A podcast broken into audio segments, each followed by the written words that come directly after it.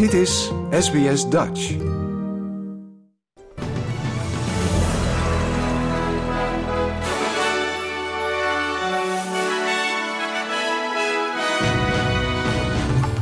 Dit zijn de headlines van het SBS Dutch Nieuwsbulletin van woensdag 24 augustus.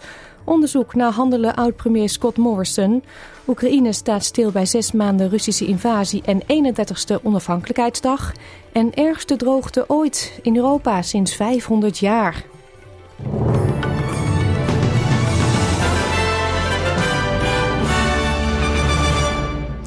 Procureur-generaal Mark Dreyfus zegt dat een onderzoek naar het schandaal over de geheime portefeuilles van oud-premier Scott Morrison ervoor zal zorgen dat iets soortgelijks nooit meer zal gebeuren. De federale regering heeft het onafhankelijke onderzoek aangekondigd naar aanleiding van het advies van de advocaat-generaal over de wettigheid van de acties van Morrison. Hij liet zichzelf in het geheim benoemen tot een aantal ministersposten terwijl hij premier was. Uit het advies blijkt dat Morrison weliswaar de wet niet heeft overtreden, maar dat zijn acties in strijd waren met de conventies en een verantwoordelijke regering fundamenteel ondermijnden. Procureur-generaal Mark Dreyfus zei bij Channel 7 dat het advies zeer alarmerend is. We know the basics. We know that Mr. Morrison appointed himself to five ministries. We know he kept it secret. There's other things that need to be examined, and we need to make sure it doesn't happen again because obviously this is fundamentally undermining of trust and integrity in government. We can't have that. We've got to look into this. It's very important, and that's what the inquiry is about. Scott Morrison zelf heeft opnieuw sociale media gebruikt om zich te verdedigen. In de verklaring op zijn Facebook-account zegt de voormalige premier dat hij het deed als voorzorgsmaatregel in buitengewone omstandigheden, maar dat hij nooit gebruik heeft gemaakt van zijn ministersrollen. Hij zegt te helpen waar hij kan om lering te trekken uit de pandemie en verwacht dat een geloofwaardig onderzoek zich ook zou richten op de acties van de staten en territoria. De Oekraïense president Volodymyr Zelensky heeft zijn landgenoten gewaarschuwd dat Rusland de onafhankelijkheidsdag van het land kan gebruiken om zijn militaire offensief op te voeren. Oekraïne staat stil bij zes maanden Russische invasie op dezelfde dag als dat 31 jaar onafhankelijkheid van de Sovjetregering wordt gevierd. Er zijn waarschuwingen uitgevaardigd dat Rusland zou kunnen proberen de nationale feestdag te bederven en het zes maanden punt in de oorlog als aanleiding kan gebruiken om de aanvallen te intensiveren. Zelensky vraagt Oek Oekraïners dan ook op hun hoede te zijn en de veiligheidsinstructies op te volgen. Fellow Ukrainians, tomorrow is an important day for all of us, and that is why this day, unfortunately, is also important for our enemy. We must be aware that tomorrow, hideous Russian provocations and brutal strikes are possible. The armed forces of Ukraine, our intelligence, special services will do everything to protect our people as much as possible, and we will certainly respond to any manifestation of Russian terror. But please follow the safety rules strictly tomorrow. De Veiligheidsraad van de Verenigde Naties maakt zich zorgen over een mogelijke nucleaire ramp als het geweld rond de Oekraïnse elektriciteitscentrale Zaporizhia blijft voortduren. De faciliteit in het zuidoosten van Oekraïne staat onder controle van pro-Russische troepen, maar beide partijen hebben elkaar de afgelopen weken beschuldigd van beschietingen rond de faciliteit. De onderhandelingen om onafhankelijke inspecteurs toegang te geven tot de site gaan door. Het hoofd van het Internationaal Agentschap voor Atoomenergie, Rafael Grossi, zegt dat hij binnen enkele dagen een missie naar de centrale, de grootste in Europa, verwacht.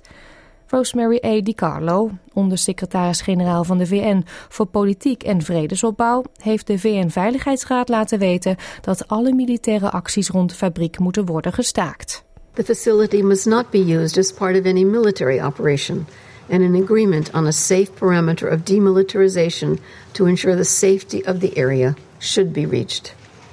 Regrettably, despite numerous calls and appeals, instead of de escalation, we continue to see the almost daily reports of alarming incidents involving the plant. De Europese Commissie waarschuwt Europa voor de ergste droogte in minstens 500 jaar. In een nieuw rapport zegt de Global Drought Observatory dat de omstandigheden de gewasopbrengsten verminderen, rivieren laten opdrogen en bosbranden veroorzaken. Woordvoerder van de Europese Commissie, Johannes Barky, zegt dat in twee derde van Europa de situatie om alertheid vraagt.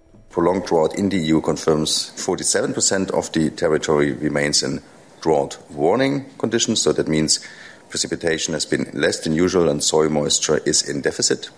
And 17% is in alert condition. That means the vegetation and crops show the negative effects of drought. De Australische online nieuwssite Crikey wordt door mediamagnaat Lachlan Murdoch aangeklaagd wegens laster.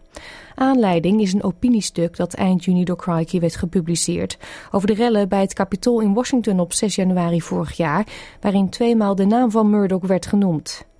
Een woordvoerder van de heer Murdoch bevestigde de lastenprocedure tegen Crikey's uitgeverij Private Media, zijn hoofdredacteur Peter Frey en politiek correspondent Bernard Keane, maar weigerde verder commentaar te geven. Private Media-baas Will Hayward heeft een verklaring vrijgegeven waarin staat dat Crikey achter het verhaal staat.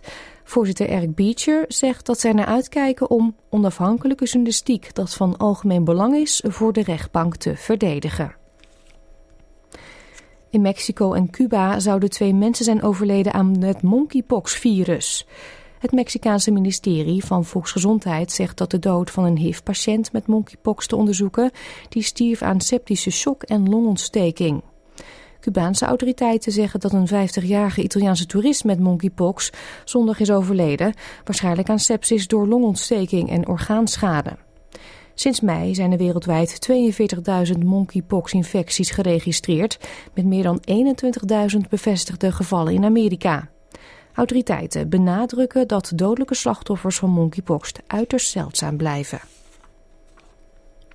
De Australische zanger John Farnham heeft een succesvolle chirurgische ingreep ondergaan om een kankergezwel uit zijn mond te laten verwijderen. De familie van Farnham maakte gisteren bekend dat bij hem kanker was vastgesteld en dat hem een operatie van 12 uur te wachten stond. In een verklaring laat de familie nu weten dat de 73-jarige zanger stabiel is en herstelt in het ziekenhuis. Veel mensen, waaronder premier Anthony Albanese, de premier van Victoria Daniel Andrews en Kiss frontman Paul Stanley, wensten het Australische icoon het beste.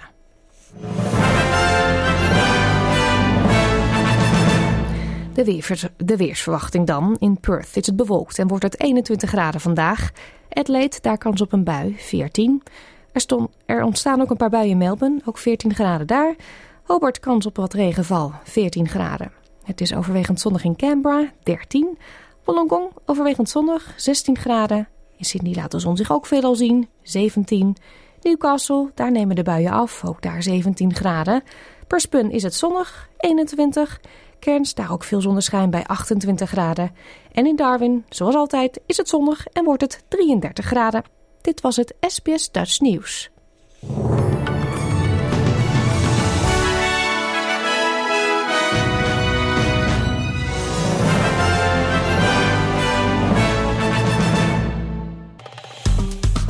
Like, deel, geef je reactie. Volg SBS Dutch op Facebook.